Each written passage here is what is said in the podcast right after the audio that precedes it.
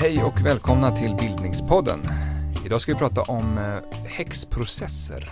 Jag heter Magnus Bremmer och sitter som vanligt här i en studio på Stockholms universitet med tre gäster idag och ni får eh, presentera er själva. Jag heter Helena Bodin. Jag är docent och litteraturvetare här vid Stockholms universitet på institutionen för kultur och estetik. Och så jobbar jag också halvtid vid Newman-institutet i Uppsala som är en högskola för teologi, filosofi och kultur och drivs av jesuiterna. Och där undervisar jag i teologiska kulturstudier. Jag heter Göran Malmstedt och jag är professor i historia vid eh, Göteborgs universitet. Och jag heter Hjalmar Fors och jag är docent i idé och lärdomshistoria från Uppsala och arbetar också som förste bibliotekarie på Hagströmer biblioteket på Karolinska institutet. Varmt välkomna säger du till Bildningspodden och Stockholms universitet. Tack. Eh, Ska vi börja med att förklara vad en eh, häxprocess, häxförföljelse, häxjakt eh, var för någonting? Om man talar om det i historisk bemärkelse för Europas eller västerlandets historia så är det ju den eh, jakt som man bedrev på personer som man trodde var häxor eller trolldomskunniga. Och man syftar ofta på en särskild tidsperiod. Det brukar vara mellan mitten av 1400-talet fram till slutet av 1700-talet. Det är de här tre århundradena som man kan finna sådana här eh, processer mot dem man trodde var häxor runt om i Europa. Det är ganska lång tid. Ja, det är. Men det är inte så att det är en process på ett och samma ställe under 300 år utan de här eh, uppträder vid olika tidpunkter på olika platser i Europa och vissa platser är också förskonade från processer. Sen finns det också andra häxprocesser i andra kulturer som i traditionella afrikanska kulturer så förekommer häxprocesser som har en del liknande drag kan man säga. Och sen är ju själva ordet häxa också en lite senare företeelse egentligen på svenska. Så oftast när man läser i källtexten om det här så kallas det för trolldom. Mm. Och det är Och- trollkärringar eller Trollkärringar, trollpacker mm. som man jagar. Men man kan fortsätta på terminologin så, så måste man också särskilja väldigt tydligt mellan alltså häxor som förekommer i häxprocesser alltså, och eh, kloka gummor och gubbar och eh, personer på landsbygden som an, anser sig vara magikunniga men eh, huvudsakligen är, är läkekunniga och sen naturligtvis personer som faktiskt bedrev olika former av magisk verksamhet och sådana som anklagades i en rättssammanhang för att ha bedrivit en magisk verksamhet Mm. som eh, i samband med djävulen då till exempel. Så det finns en massa olika kategorier som, som man måste särskilja och, och det sätt som vi pratar på idag är oftast väldigt missvisande när man ska tänka och beskriva hur, hur saker och ting eh, delades upp och förstods eh, under den här perioden. Eh, idag kanske vi tänker oss en häxa på ett visst sätt men, men då för tiden om vi tänker sent 1600-tal i Sverige så var det verkligen vilken kvinna som helst, en del män och en del pojkar också, men vilken kvinna som helst som kunde bli anklagad för att vara häxa. Och det var unga flickor kanske knappt i puberteten, det var eh, driftiga husmödrar med många barn redan, det var de allra äldsta kvinnorna. Eh, det, var, det var rika och fattiga lika. Liksom. Så att det, ja, det, det var mycket, både mycket vanligare och ovanligare att vara Mm. häxa än vi kanske först tänker. Va, vad anklagades man för? Om vi tar det i ett svenskt sammanhang. Om anklagelserna kom från den orten där de bodde, om det var deras grannar som anklagade dem så handlade det nästan alltid om eh, förgörning som är det gamla trolldomsbrottet som man har Förgörning. Just det. Eh, och det innebar att man på ett magiskt sätt hade skadat människor, boskap eller, eller kanske viktiga eh, hushållssysslor som mjölkning eller eh, ölbryggning. Ofta börjar en process med att det kan komma in en sådan anklagelse och sen när man väl eh, har fått en person i rätten för trolldom så kommer rättens mekanismer att leda till att man ganska snart börjar se den här personen också som en häxa i den kontinentala betydelsen att man har eh, ett eh, samarbete med djävulen och då behöver man leta efter ifall det finns några eh, medskyldiga som också ingår i den här komplotten som man trodde att häxorna hade mot de kristna. Vad menar du med kontinental här? Ja, därför att i, i Sverige så det är lite speciellt. De svenska processerna handlar ju, eh, de stora processerna i Dalarna och i Norrland handlar ju framförallt om barnaförande. Där kommer anklagelser om att man eh, hade tagit med sig barn till Blåkulla som eh, de trollkunniga beskylldes för. Med undantag för Bohuslän då där det var på ett annat sätt. När jag talar om kontinentalt så tänker jag på de stora processerna som, som pågår i Europa och det eh, innan Sverige drabbas av trolldomsprocesser så, så utformas det ett mönster i Europa där den här traditionella trolldomen som innebar magisk skadegörelse eh, blir mindre viktig och man, man är mer fokuserad på att eh, leta efter en pakt med djävulen och det är mm. pakten med djävulen som blir det viktiga. Men det som var så speciellt kring anklagelsen också på 1670-talet då eh, skulle jag säga var att eh, alltså det här med för, förgörning eller att man åsamkade någon skada i kombination med djävulspakten, eh, det mm. fanns. Det är lite, lite voodooaktigt kan man säga. Ja, men, men å andra sidan också så var det det att eh, Eh, förut hade det aldrig varit straffbart att hålla på med vidskepelse så att säga, att, att göra signerier, att läsa ramser över, över sår. Ja, mm. alltså en sorts eh, en, en, bland, en, sorts, eh, en sorts läkeramser mm. kanske över, över sår eller över sinande kor eller över eh, skördelycka eller så. Så att man att man bland, liksom en sorts folktro blandad med kristna mm. välsignelser kan man säga. Men drogs den här... Och, och, och det ja. blev plötsligt um, något som var väldigt förvånande för många kvinnor som stod inför rätta och anklagade för att vara, uh, för att fara med trolldom. Att ja, jag har läst de här ramserna men jag förstod inte att det var uh, straffbart. Mm. Det har det inte varit förut, det har inte skadat någon.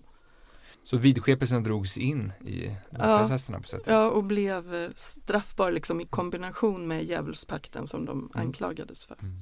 Alltså, jag skulle inte kalla det för vidskepelse utan man skulle kunna säga vit magi för att skilja ja. det andra från svart magi. Men det är också förenklande begrepp. Men, men signelser är ju en form av verbal magi och det har att göra med ordet välsigna. Och där man med bestämda magiska fraser kunde, precis som Helena sa, bota sjukdomar eller man kunde hitta eh, eh, saker som var bortsprungna eller man kunde skaffa sig god lycka vid eh, mjölkningen och andra. Men det kunde också vara kristna ramsor? Ja, och poängen är att, att de som, och kyrkan såg att om de hade någon effekt så måste djävulen vara inblandad så därför så var man kritisk till signelserna också. Men, men om man förde en kampanj för att förmå eh, folk att se att det här är svart magi också och någonting skadligt men det lyckades man aldrig med faktiskt. Finns det något som den första häxprocessen som, som vi känner till? Det är nog i, i Schweiz eller norra Italien på början av 1400-talet. Det är då den, den, den, den nya bilden av häxan växer fram. Vad, vad, vad är nytt med det?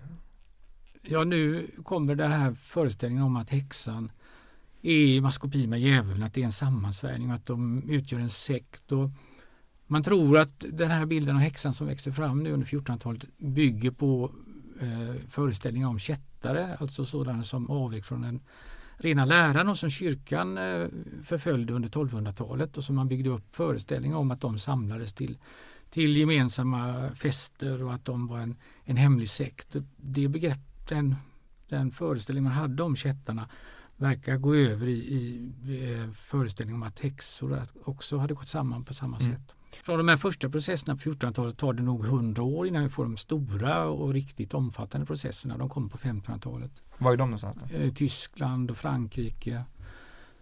Det område som drabbas hårdast av häxprocesser är vissa delar av det tysk-romerska riket. Då. Mm. Eh, men sen dyker det upp i England, vi har häxprocesser i Holland och vi får i Sverige då i slutet av 1600-talet. Vi kommer in lite sent i den här processen.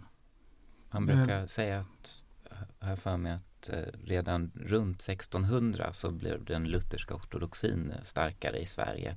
Och då börjar Varför man är det ta, intressant? Jo, för man börjar, eh, kyrkan tar ett fastare grepp om hela samhället i samarbete med staten. Och därmed så får man också en, en eh, ett intresse för att kontrollera vad folk tänker och hur folk agerar på olika sätt. Och och det är då, vidskepelse och trolldom. Och... Ja, och det, det, är då man ta, börjar ta det här intryck av tysk, tysk praxis kring hur man hanterar häxor och sen så blommar det upp då. då och något senare än, än, än, vad det sker i många andra områden. England å andra sidan så avslutas det ju tidigare än, än i många andra områden.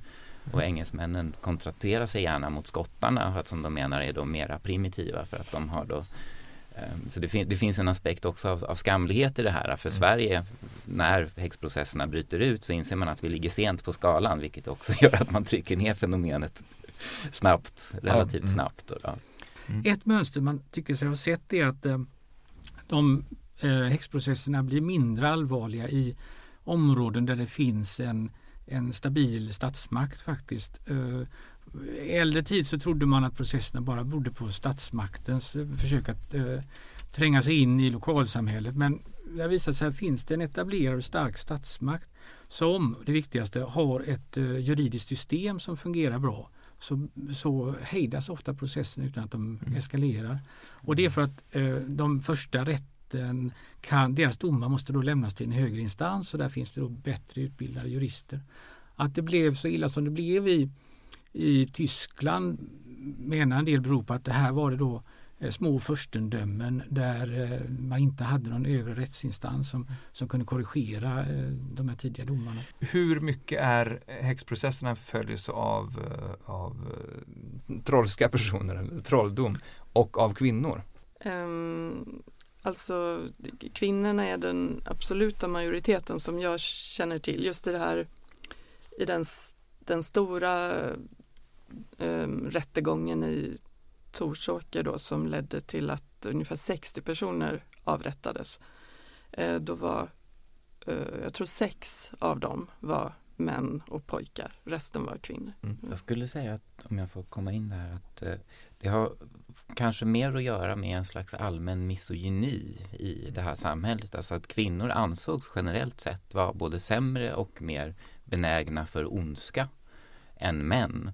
Eh, och därför var de också mer benägna att tjäna djävulen eller falla för djävulens frestelser. Eh, och eh, eftersom de var då en starkt förtryckt del av samhället så var ju också varje form av avvikelse mycket mer allvarlig om det var en avvikande kvinna. Så om du var rikare än genomsnittet så kunde det vara för att du hade varit i lag med djävulen. Om du var fattigare än genomsnittet så kunde det vara.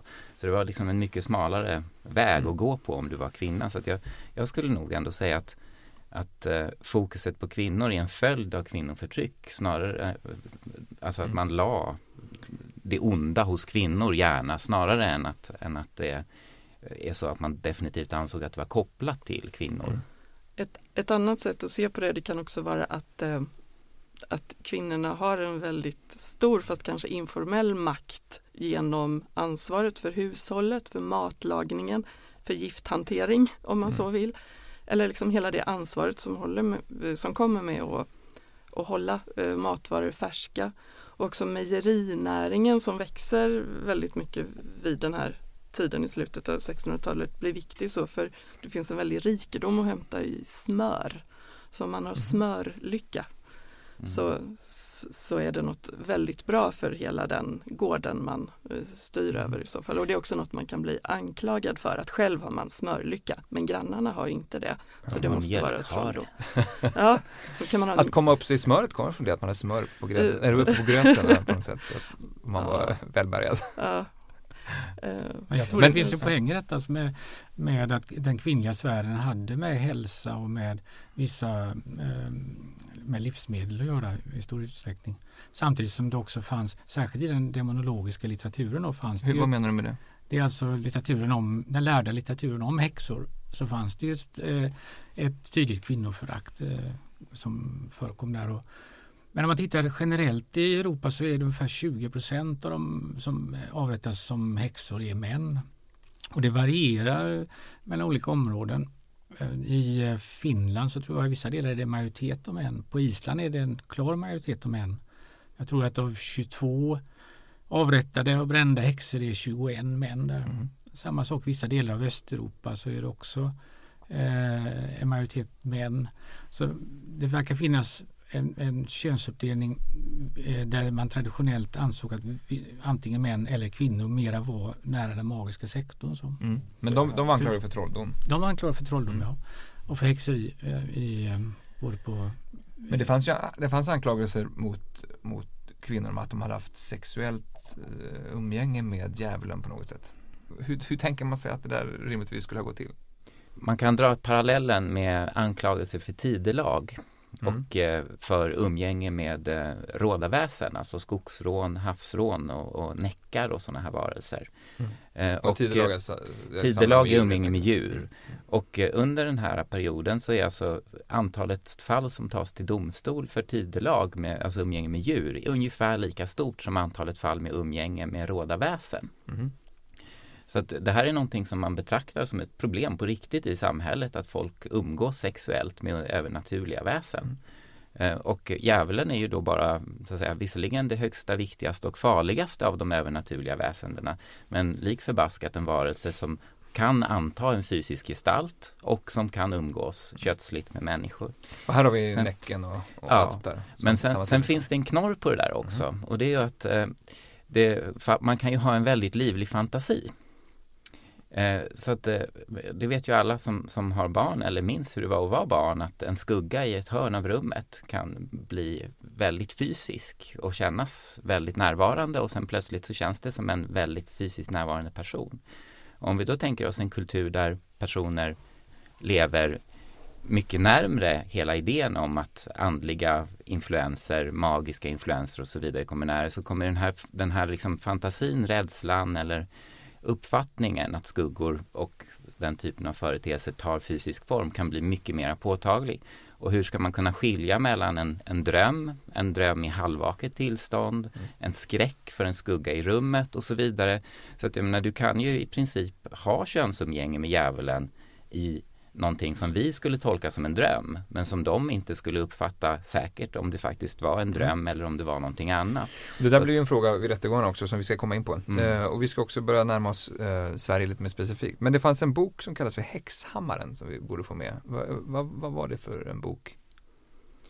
Alltså som, som jag uppfattar saken så är den inte så himla viktig. Jag är inte så insatt i den heller så det är ju bra att säga att den inte är så viktig. Men det finns ju en, det finns en enormt stor litteratur Mm. eh, kring eh, häxor, kring eh, det juridiska och kring det teologiska och kring hur, hur häxor och magi re, re, re, eh, står i relation till, till den naturliga världen och den Alltså sam- övernaturliga världen. Och, ja, ja, ja, det finns Mm. hur mycket sån litteratur som helst. Mm. Och den här boken är någonting som vi känner till i våran populärkultur och det var Mm. en stor och inflytelserik bok-. Men den är Men vad gick bara, den ut på? Vad, Eh, vad var innehållet? ja alltså, En ha- handbok i hur Ja. du upptäcker och eh, eh, ja, anklagar en häxa Ja, på okej. bästa sätt. mm, Liten lathund om man själv vill, vill vara En tjock och utförlig lathund. Ja. Mm. Och vilka stod bakom den här typen av litteratur kan vi säga generellt sett? Eh, Alltså två namn från sent 1400-tal. Ja, den här boken specifikt. Ja. Ja, Mm. just det. Men, men den här typen av litteratur, det var ju då antingen teologer eller inkvisitorer kunde det vara också, Mm. men också naturkunniga personer och, och, och eh, även lärda trollkarlar som Mm. ägnade sig åt att stå i pentagram och, och ropa ut eh, Mm. eh, diaboliska eller, eller änglanamn. Och, Stå i Så- pentagram. Ja, nu tog jag en referens från populärkultur men ni, ni vet bilden av, bilden av trollkarlen som står i, i en lång kappa med Ja, huva och, och stav och så skriker lite som Gandalf. Okej. Så. Men om man, om man är lite mer, mer, Vi kon- lite mer konkret och lite mer konspiratorisk kanske. Vad, vil, vil, vilka vid den här tiden tjänade på sexprocesserna kan man säga så? Jag tror att det var bara en jättekatastrof. Mm. Det, jag, jag har jättesvårt att se att någon tjänade på det. Och, I alla fall om vi ser till 1670-talet och Sverige för att det var, det var en så stor eh, katastrof verkligen. Och man, man trodde ju att det var det onda som man var utsatt för och som man till varje pris var tvungen att, eh, att göra sig kvitt. Så. mer en, rä- en rädsla än någonting som eh, Ja, och hur, liksom, hur hemskt det än var så, så hade man lyckats, menade man ju efteråt också. Man var ganska eh, praktisk i sitt förhållningssätt så. Mm. Så jag tror att eh, ehm, alltså idag så kan vi tycka synd om barnen. Men då för tiden så fanns inlagan till eh, rätten att om inte ni kommer och hjälper oss nu och blir kvitt det här så måste vi själva ta livet Mm. av våra barn. För det är det viktigaste av allt att de inte går miste om sin salighet och det eviga livet för nu är vi utsatta för det onda här. Mm. Så en rädsla för onda men också kanske ett, ett, ett väldigt missriktat form av beskydd då i det fallet? Eh, ja, alltså eh, rätten blev ju förskräckt ja. av, mm. av att men, man ville gå men så det kan, långt. Det kan ju också börja som ett sätt att vinna inflytande i lokalsamhället. Som, som häxprocessen i Gävle vill jag minnas inleddes med en konflikt mellan borgmästaren och prästen mm. som sen eskalerade då där, där när borgmästaren anklagade prästens hustru för att vara häxa och sen så eskalerade det bortom all kontroll för den här ursprungliga egentligen personkonflikten. Där, där de då slogs om inflytande om, om vissa eh, Men på vilket sätt fick man inflytande av att driva? Ja, ja alltså det var ju att man tog eh, personliga konflikter och konflikter om pengar till rätten och sen så kunde man dra in det här häxargumentet för att misskreditera eh, motparten. Mm. Men när det blir häxprocess så är det nog inte så många som tjänar på det för det mm. är ju hela hela lokalsamfundet rivs ju sönder. Men man spelade på rädslor som fanns i lokalsamhället? Ja, eller trodde själv kanske. Mm. Alltså det, det, är också det, så det är svårt att veta. Alltså om man verkligen avskyr någon så är det väl inte så himla svårt att tänka sig att den personen är, drivs av djävulen eller djävulska diaboliska krafter. Mm. Eh, och då var det ett sätt att, att få stöd? Betänk, ja, betänk också att hälften av barnen i de flesta familjer dog innan de kom i vuxen ålder. Att folk var i stor utsträckning drack enorma mängder alkohol. Mm. Ehm, att eh, det var ett samhälle som var mycket våldsammare och brutalare än vårat. Så det, eh, vi ska tänka oss att, att det här är människor som, som, eh, som idag skulle medicineras i stor utsträckning som, som var samhällsbärare på den tiden. Men kan man kalla det för någon slags populistisk strömning också? Om vi nu ska dra moderna jämförelser.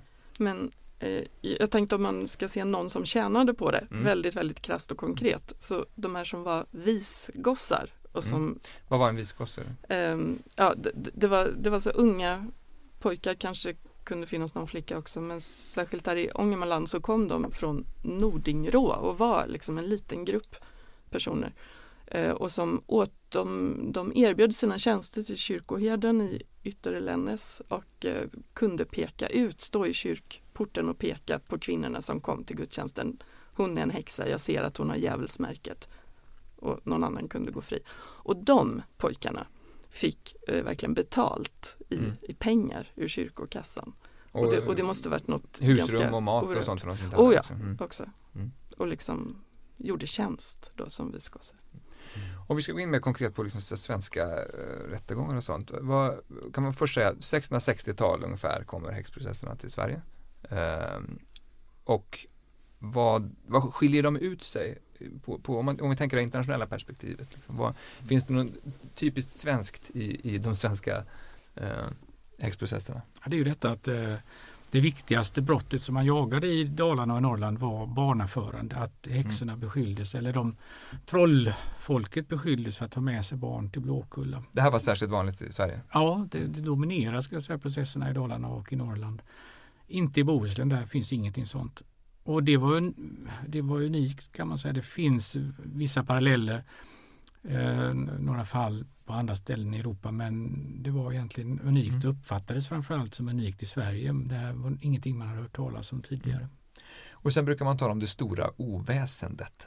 Va, va, vad menar man då? Det är ju de här åtta åren som Trollhundsprocesserna pågår i Dalarna och i eh, Norrland. 1668 mm. till 1676. Och, och under de här åren så blir det också då Trollhundsprocesser i Bohuslän som ligger långt därifrån och som inte har samma eh, trolldomsmål. Det är en annan typ av trolldom. Mm. Så när man pratar om, om häxprocesserna i Sverige så är det, det är i stort sett den här tiden? De åtta åren, ja. Mm. Men med, alltså oväsen betyder ju idag ett förskräckligt oljud. Men mm. då för tiden så betyder det mer eh, alltså vi kanske skulle säga framfart eller spektakel mm. eller något sånt. Nå någonting som grasserar och som gärna har med eh, ja, eh, Lite ondska att göra. Mm. Eller att, ja, är, är, är, så att säga det, det förfärliga uh, själva häxorna här eller är det en term i efterhand som Nej, nej termen är original 1600-tal, trolldomsoväsendet. Ja. Men man menar inte, sen är det översatt till engelska ibland som the big noise. Aha. Och, då, och då blir det uh, just oljud. De kanske lät samtidigt men det är inte det som vet inte. Okay. Ja. Mm. Eh, och, och 1668 var den första processen som vi känner till?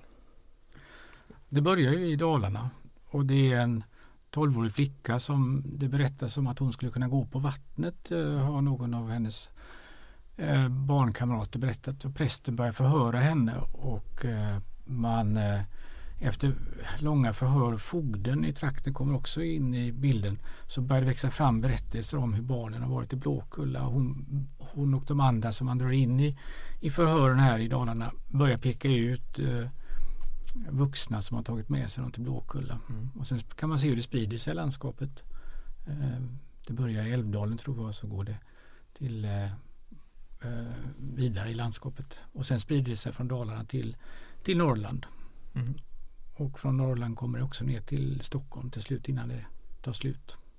Och, och uh, processerna i Bohuslän, de är liksom parallella på något sätt? Eller? I tiden är de det men, men de har inte samma, det är inte alls samma typ av uh, trolldomsbrott där. Mm. Ja, det andra anklagelser, det var hade inte med barn att göra? Det Nej, det börjar faktiskt med att en, en kvinna i Marstrand uh, anklagades av ett par i Marstrand för att hon hade gjort mannen impotent under ett besök på kvällen eh, hos paret.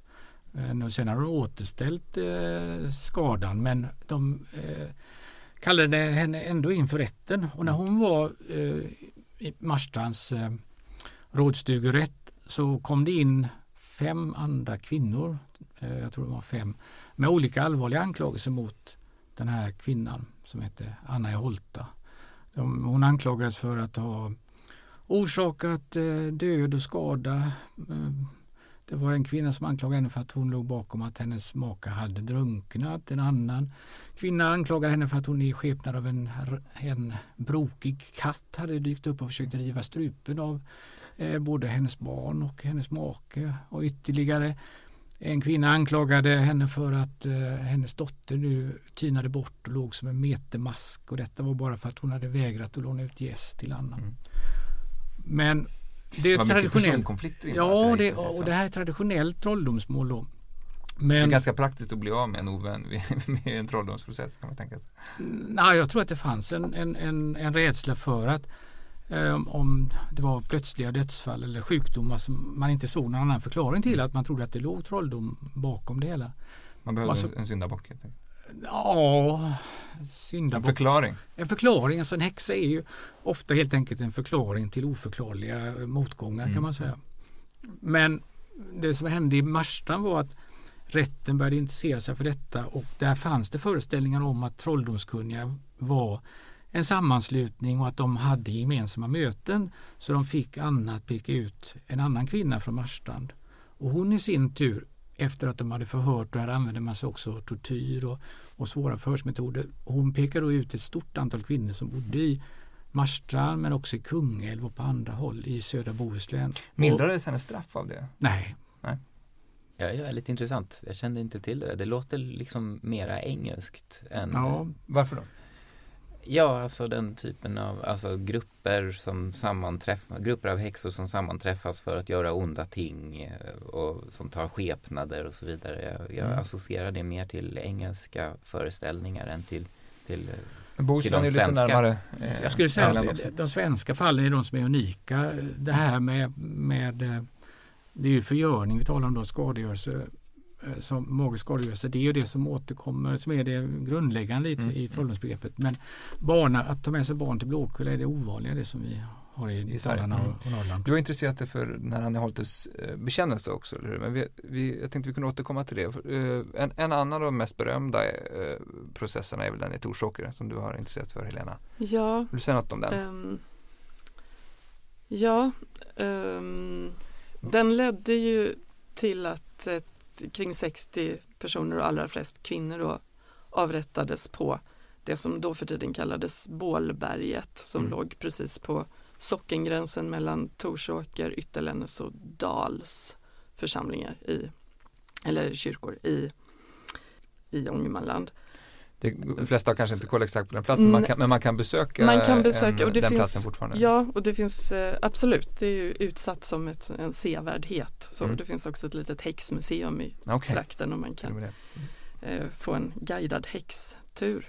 Men vad, vad, var det som hände? Det här är ju den största enskilda processen i svenska häxförföljelser. Ja, att den ledde till så många människors död, verkligen. Och vad var det som hände? Hur eh, började det? Alltså det, det som um, Göran nämnde ju det här med att föra barn och barnen hade en väldigt viktig roll i den här i just den här eh, rättegången för de här visgossarna som mm. kom då. Eh, de ordnade någonting som kallades för änglakammare.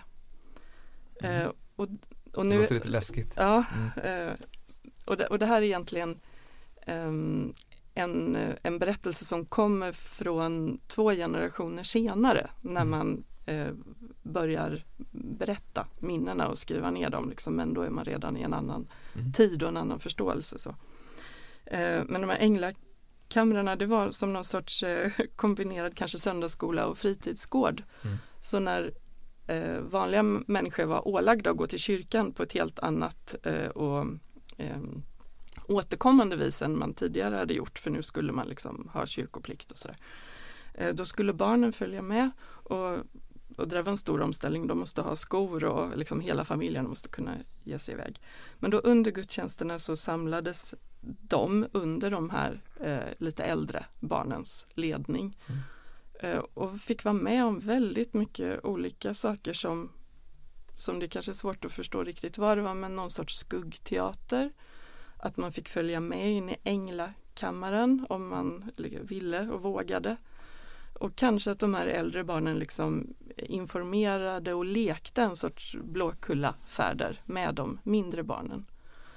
Eh, och sen när det när samtidigt då eh, de här rättegångarna mot eh, de trollkunniga eh, kvinnorna ägde rum så, så vittnade ju barnen mm. mot dem och det kunde vara eh, alltså kanske nio eller tolv barn, många som mm. kom inför rätta och vittnade mot, eh, ja, mot, mot, sin mamma, mot grannfrun, mot sin moster, mot mormor. Så. Har man i forskning försökt förstå vad, vad det var som hände där? Alltså, måste jag, var det någon form av påtryckningar eller motiv eller någonting som fått de här barnen att träda alltså, fram? Det, det, det, det verkar ha varit väldigt obehagligt för alla inblandade och, och jag menar de anklagade kvinnorna säger åt barnen nu ska du minsann få, mm. få, få, på moppe för mm. att du säger så här om mig, det är ju inte sant och barnen gråter och just jag menar, de, de får svårt att tala och så här. Men hela rättsprocessen är så väldigt förvriden på något vis. Mm. Eh, så att eh, om, om barnen inte vågar eh, ge de här vittnesmålen så blir det ändå till nackdel för den anklagade kvinnan för det är mm. hon som med sin trollkraft påverkar dem att inte våga mm. prata. Loppet är ganska kört från början. Loppet är kört och det är också förhörsmetoder som är sådana att alla barn får samtidigt vara inne i rättssalen och lyssna på varandras mm. vittnesmål och de får ledande frågor och de får överhuvudtaget idéer om vad som verkar vara lämpligt att svara kan man mm. förstå det som psykologiskt sett i efterhand av liksom hur förhören går till. Mm. Så. Och man ser också att kvinnorna försöker komma svara på lite olika sätt olika dagar. Eh, så att säga ena dagen så säger de att eh, jag för inga barn till eh, Blåkulla men jag vet att andra gör det och så nästa mm. dag så säger de nej det förekommer inte alls. Men, och det hålls också emot dem liksom att de inte står vid sitt ord. Men fanns det någonting som kunde få en, en frikänd? Var det något agerande i rätten som fungerade Att bättre? man inte bekände. Mm. Trots då hot om tortyr och kanske då faktiskt tortyr? Ja och trots hot om att gå miste om sin eviga salighet. Mm. Så att det var liksom något stort man satsade. Så man ville ändå ha liksom, bekännelsen? Man ville ha bekännelsen mm. men det fanns också exempel på de som blev så massivt anklagade så att de dömdes utan bekännelse. Mm. Men det var liksom en stor sak för domaren mm. att ta på sig. Då. Mm. Vad, vill du säga något precis om det här? Ja, ja. Jo, om man kommer från en, ett högre skikt i samhället så kunde man ju fly från orten och komma tillbaka senare och sen så kunde ju då ens anhöriga dra igång enorma överklagande processer i förhoppningen att det så småningom skulle försvinna. Mm. Mm. Så det, det, finns några sådana fall mm. som tyder på att personer som ur de högre klasserna som faktiskt hade någon som jobbade stenhårt i många, många mm. år för att de skulle klara sig, kunde klara sig. Men annars så var det kört. Första mm. anklagelsen när det väl hade dragit igång var oftast en dödsdom. Mm. Och vad, vilken typ av bestraffning var vanligast? Alltså om det, in, om det var dödsdom så var det halshuggning och därefter eh, bränning på bål. Både och? Ja, men, inte, men man brände inte levandes utan, utan först halshuggning ja, och sen just det.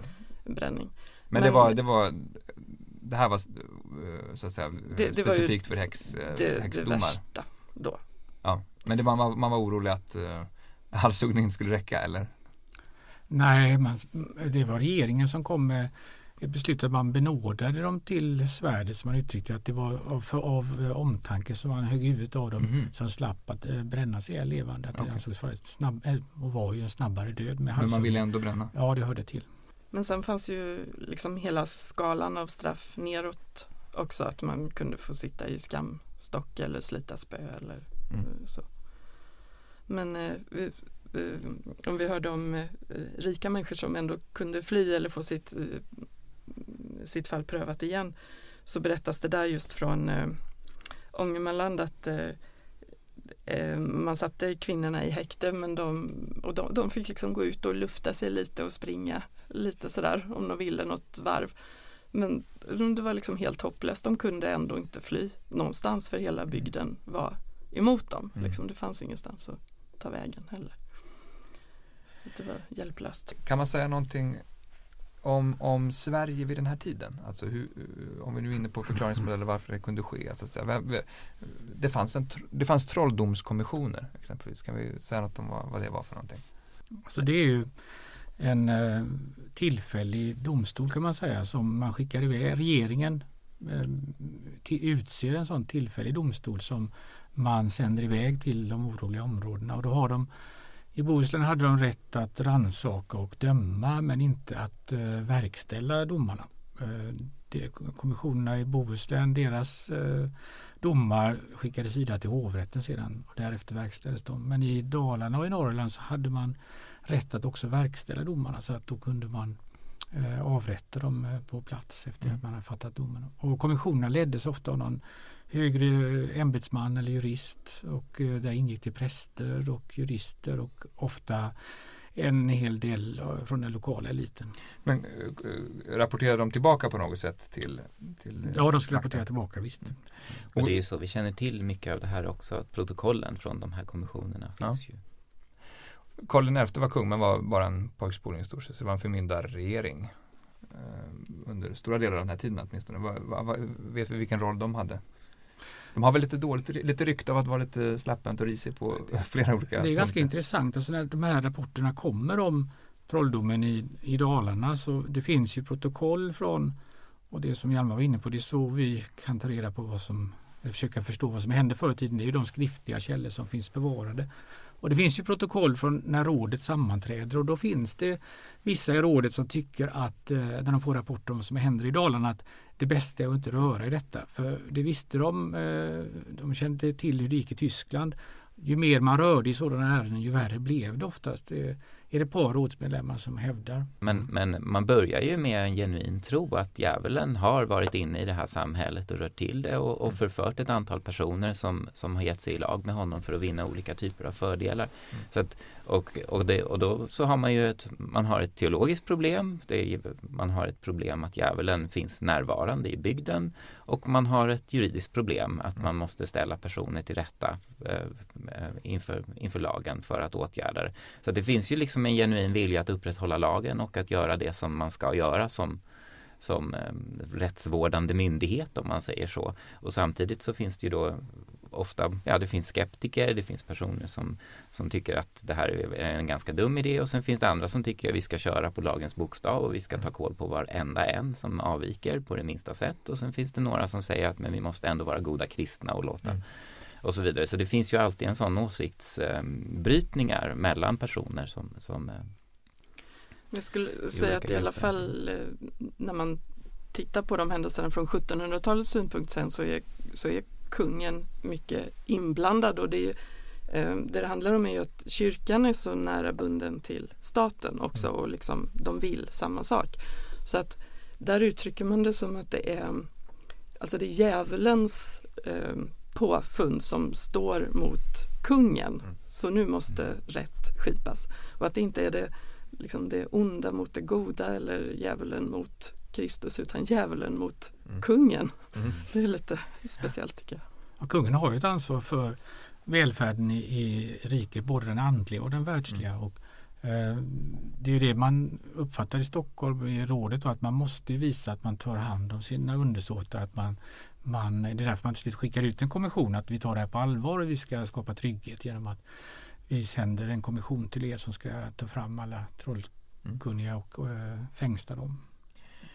Men när det gäller själva bekännelserna då? Det, det, det vanligaste är att de, här, de, de åtalade så att säga eh, erkänner eller bekänner sitt, sig till att vara häxa.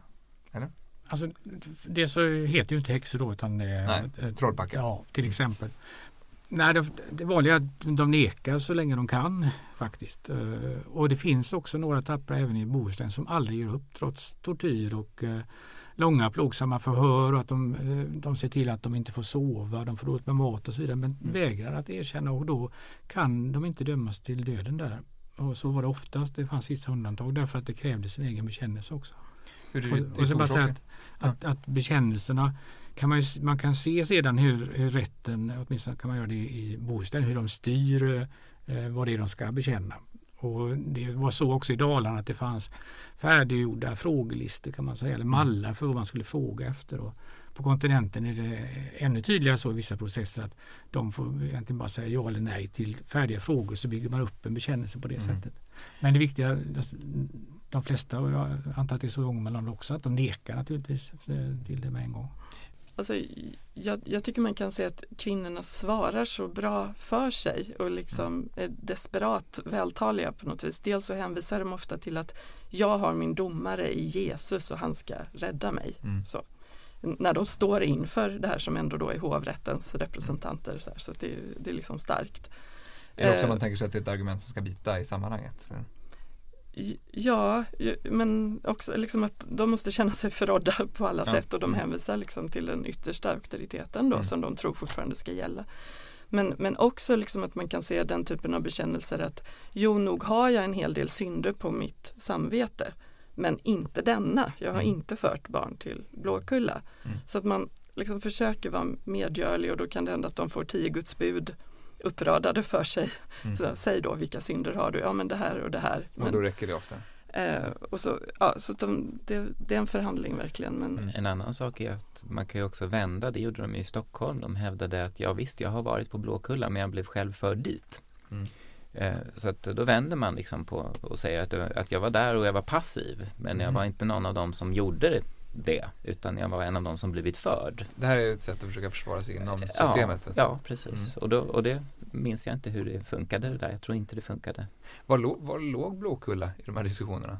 Ja, det är i Stockholm. Det låg ju då eh, i en park i stan. Mm. Eh, eller på en okänd plats. Eh, möjligen att de pratar också om Blå Jungfrun eh, mellan eh, Öland och Oskarshamn. Ja, en ö. Mm. Och I Ångermanland låg det på Utnäsåken, det är där som Botniabanan korsar Ångermanälven idag. Mm. Så alla kan titta. Alla kan passera ja. Blåkulla. Mm. Uh, men du är intresserad för, för uh, drömskildringar i bekännelser. Vad va, va är intressant med det?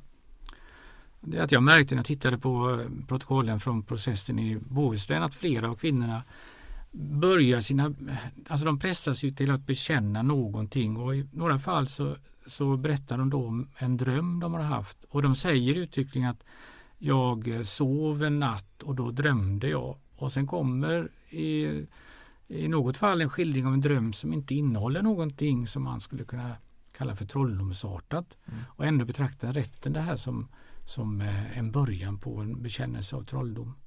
Och jag tyckte det var spännande att titta på alla de tillfällen när de anklagade nämner drömmar och hur det verkar som rätten uppfattade drömmarna och hur de som tog upp drömmar i sina bekännelser, hur de själva såg på drömmar och verklighet. Mm.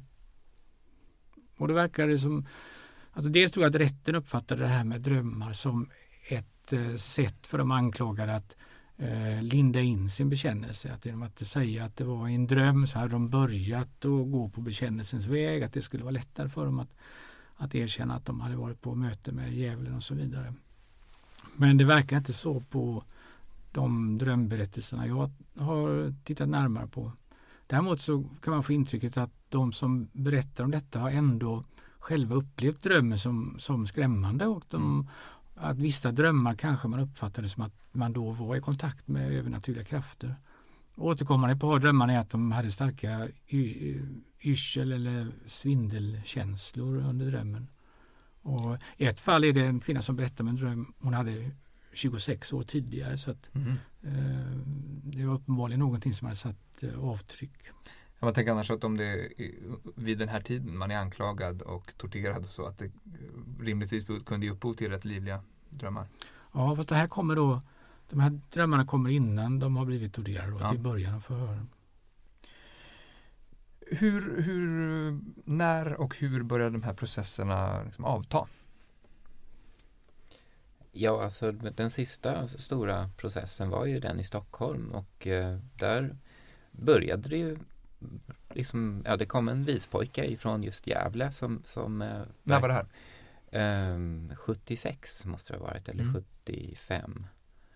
Eh, och eh, eh, det kom en vispojke ifrån Gävle då, då som, som, eh, som började i princip gav som jag förstått det, schemat för hur en sån här sak skulle gå till. Mm.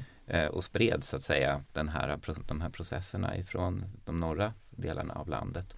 Och sen så utbröt ett antal anklagelser på Södermalm i Stockholm. Det tillsattes en trolldomskommission som utredde de här. Man avrättade ett antal kvinnor eh, i vederbörlig ordning efter bekännelserna eh, hade kommit in och sen så var det en ung kvinna som eh, tror jag hette Agnes och som tog tillbaka allting och sa att nej alltihopa det här var bara en dröm.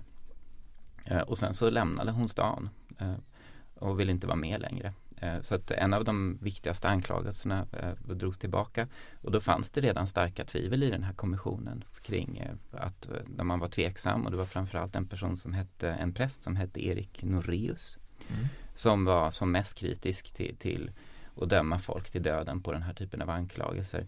Och då vände kommissionen och började tvivla och de satte de anklagande under ett allt större tryck istället. Eh, och eh, så småningom så slutade det med att jag tror att man avrättade tre stycken av dem som anklagade istället. Eh, för att de då hade förlett kommissionen till att, att inbilla den att de ägnade sig åt att, att det var människor då som hade varit i lag med djävulen. Och i, i samband med det här då, då så skrev eh, Urban Järne en ganska lång rapport. Vem var det? Urban Järne han var eh, en kunglig livläkare, han var mycket framstående kemist och eh, han var ledare för, för Bergskollegiums kemiska laboratorium så att han var också alkemist och hade en massa andra strängar på sin lyra. Han var poet också faktiskt.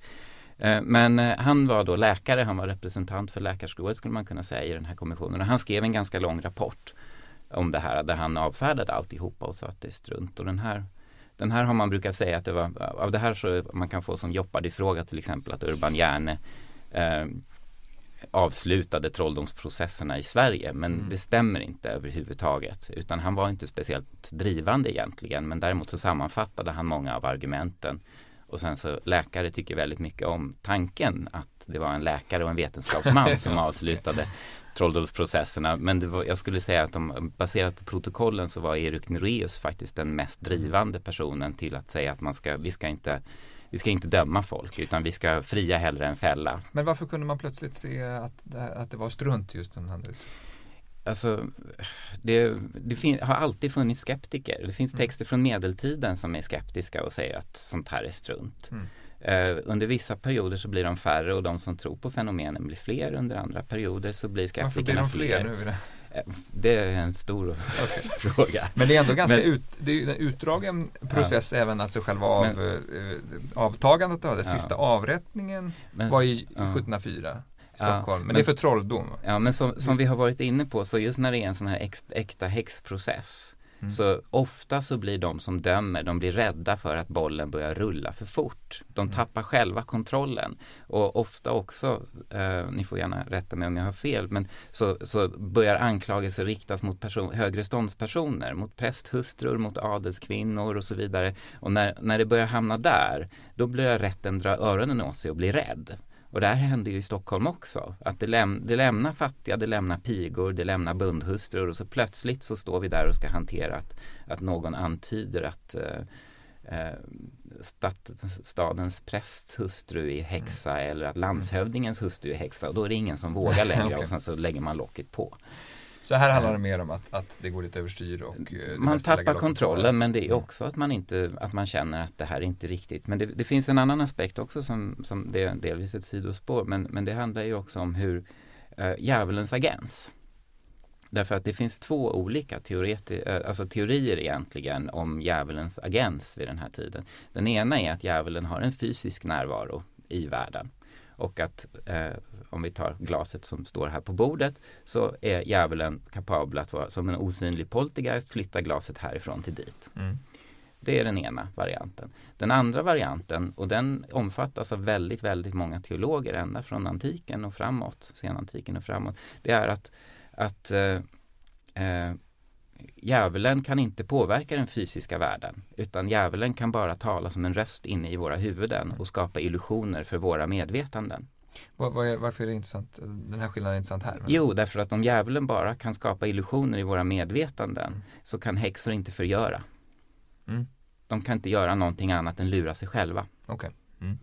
Eh, och så att det argumentet kan alltid föras fram på god teologisk grund och med goda auktoriteter. Eh, och så att det finns alltid möjlighet för personer med teologisk skolning att gå in och säga att häxprocesser då i den här eh, varianten är strunt. Men med lik förbaskat så kan du ändå döma någon på, la, på, på, juridisk grund för att den tror att den utför förgörande magi. Ja, och, och det straffet för, för trolldom avskaffades mm. först 1779 i lagboken om jag har förstått det rätt. Det är alltså hundra år efter, eh, hundra år senare helt enkelt. Var, varför tar det så men jag tänkte om man ska prata om eh, hur de här processerna eh, faktiskt upphör så tror jag att det är väldigt, mm. väldigt viktigt att upplysningstankarna eh, nådde Sverige också. Och jag, jag är väldigt, väldigt eh, förtjust i och har lärt mig mycket av den här Jöns Horneus som på 1740-talet är det nog sitter och samlar eh, alla eh, vittnesbörd och sin egen kunskap och protokoll från eh, de här häxprocesserna i Ångermanland på 1670-talet. Där, där en äldre släkting till honom var ja, präst ja, var precis, drivande han är, Hans farfar var Laurentius Horneus som var väldigt drivande i de processerna. Mm. Men, och det är så intressant att se att den här Jöns Horneus då, han har hela tiden naturliga förklaringar till allting som man blev anklagad för som mm eh, trolldom. Vid När skrev han texten?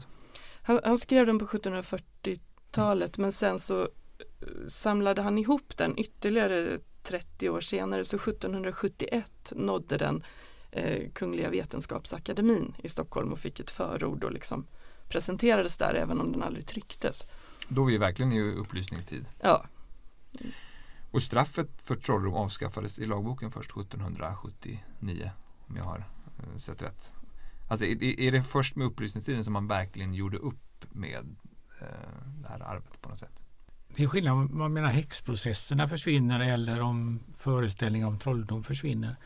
Mm, eh, Bengt, Bengt Ankalo som är, är, den stora, eller var den stora auktoriteten när det gäller eh, trolldomsprocesser i, i Sverige men också internationellt. Eh, han menar på att det är juristerna som ligger det är deras förtjänst till stor del att processen upphör därför att man till slut så, eh, så vill man inte längre vara med och döma folk till döden på så svaga grunder. Och det, nu var han en präst som deltog i kommissionen i Stockholm men, men det är sådana som hade makten att döma som, som till slut ändå kräver bättre beviskrav. Att det, det här finns inte de rätta bevisen för att döma någon till döden. Så att, och det sker ju tidigt på 1600-talet i vissa delar av Europa långt innan upplysningen och den nya, den nya vetenskapliga världsbilden har slagit igenom.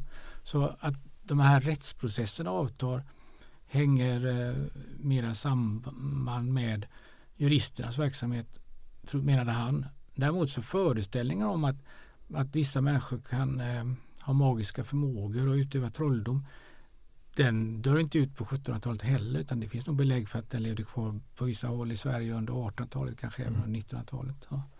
Mm. Men man, man tänker, hur, hur har... Men jag vill bara säga att eliten, samhällseliten under 1700-talet med upplysningen, de tog avstånd från, från eh, föreställningar om trolldom och det ansågs säkert eh, eh, pinsamt och eh, eh oklädsamt att tro mm. på sådana saker. Då ska, man, då ska man hylla upplysningen och förnuftet och en rationell världsbild. Hjalmar var inne på någonting tidigare att vi får tänka oss när de här processerna härjar som mest under 1500 och 1600-talet så är hela världsbilden är ju annorlunda än nu. Alltså, man kan säga att det finns väl ingen som var ateist under 1600-talet utan alla har ju en tro på övernaturliga krafter i form av Gud, i form av eh, onda demoner men också som Hjalmar var inne på olika typer av naturväsen. Och mm. man, eh, hela världsbilden var annorlunda. Och du saknades ju inte okultism på 1800-talet mm. heller? Nej. Det kanske var Nej. Men, men just 1700-talet, det, det sker en, ett massivt skifte på väldigt många olika fronter framförallt inom eliten mm. men också inte heller eh, i, i, i, bredare folklager. Men, men där man lägger den här typen av, alltså det är en skepticism där man, där man lägger, man, man föredrar att flytta över alla former av vad man börjar definiera som övertro på kvinnor och oerfarna ungdomar, invandrare, eh, outbildade personer och så vidare. Det, det är liksom man, man, man, börjar konstruera den, den korkade andre och ur det här komplexet så börjar man också medikalisera eh, tro på trolldom. Eh, det vill säga att om någon kommer och, och, och, hävdar att det finns en häxa så säger man att ja, men då är det antingen den häxan eller, ja, eller den, den eh, hela fenomenet trolldom är, blir ett, ett, utslag av galenskap snarare mm. än, än, att det, det är kopplat till verkligheten. Mm. Och, och, och, där, där läggs liksom grundstenarna till, till det som, som eh, flertalet omfattar idag vad mm. gäller synen på den här fenomenet. Hur har man hanterat det här arvet i efterhand då? Helena, du är intresserad för beskrivningar av och, och minneskultur kring mm. häxprocesserna. Hur, har det sett ut ja. från 1700-talet framåt? Um, alltså det som är så speciellt som jag förstått det och som eh, Linda Oja och Marie Lennersand har visat i sin forskning det är att, att direkt efter processerna så, så är man bara intresserad av att få livet att återgå till det normala. Jag tror inte riktigt ens man behöver kalla det för en tystnadskultur kanske utan man, liksom, man lägger det som har varit åt sidan. Och sen är det ju inte eh, då egentligen förrän ja, men kanske på 1800-talet och i romantiken som det kommer in lite häxor i svensk litteratur. För, mm. Och det, och det finns kanske inte någon eh, riktig liksom, så här, skönlitteratur på 1700-talet i någon större Nej. utsträckning heller. Liksom. Utan då är det de här eh, dokumentära berättelserna i så fall att man samlar in eh, vittnesmålen. Men, Almskri Almqvist skriver ja, om häxor till exempel. Almqvist har ju en eh, liten häxdikt då i si, sina Songe. Mm. Um, och den, ja, mm. just det. Hur, hur beskriver han? Uh, och det är ju, den heter ju Häxan i konung Karls tid. Mm. Och uh, så jag, jag vill gärna se det som att där låter han nästan liksom ett, ett, ett vittne berätta om vad som hände här alldeles nyss. Mm. Eh, fast så gjorde man nog aldrig då när det verkligen hände. Men sen sista raden där är barnen. För det här är 1830-tal? Ja, 1830-tal. Den kommer ut 1849. Ja, okay. men, mm. um, men sista raden är barnen fingo stå vid moderns bål. Och det känns verkligen som att det är romantikens syn som liksom sentimentaliserar både barnen och modern på så vis. För det var, inte, det var inte 1600-talets syn. Då, då var man mycket råare mot både barnen mm, och mm. mödrarna i så fall. Men jag, okay. jag undrar.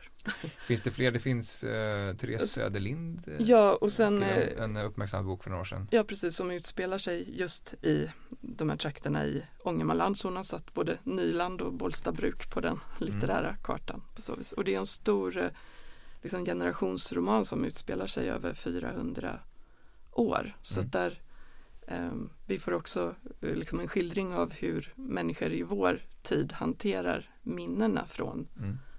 eh, de häxprocesserna på 1670-talet. Tusen tack eh, Hjalmar Fors, Helena Bodin och Göran Almstedt för att ni alla vill vara med. Tack. Tack. Tack så mycket. Och tack ni som har lyssnat. Vi är tillbaka om en vecka med ett nytt avsnitt. Eh, gå in på bildningspodden.se och lyssna på andra avsnitt och om andra ämnen. Eh, tack och hej. Du har lyssnat på Bildningspodden, en podcast från humanistiska fakulteten vid Stockholms universitet. Producerad av Magnus Bremmer och Claes Ekman. Podden spelas in på Språkstudion och tekniker är Henrik Nordgren.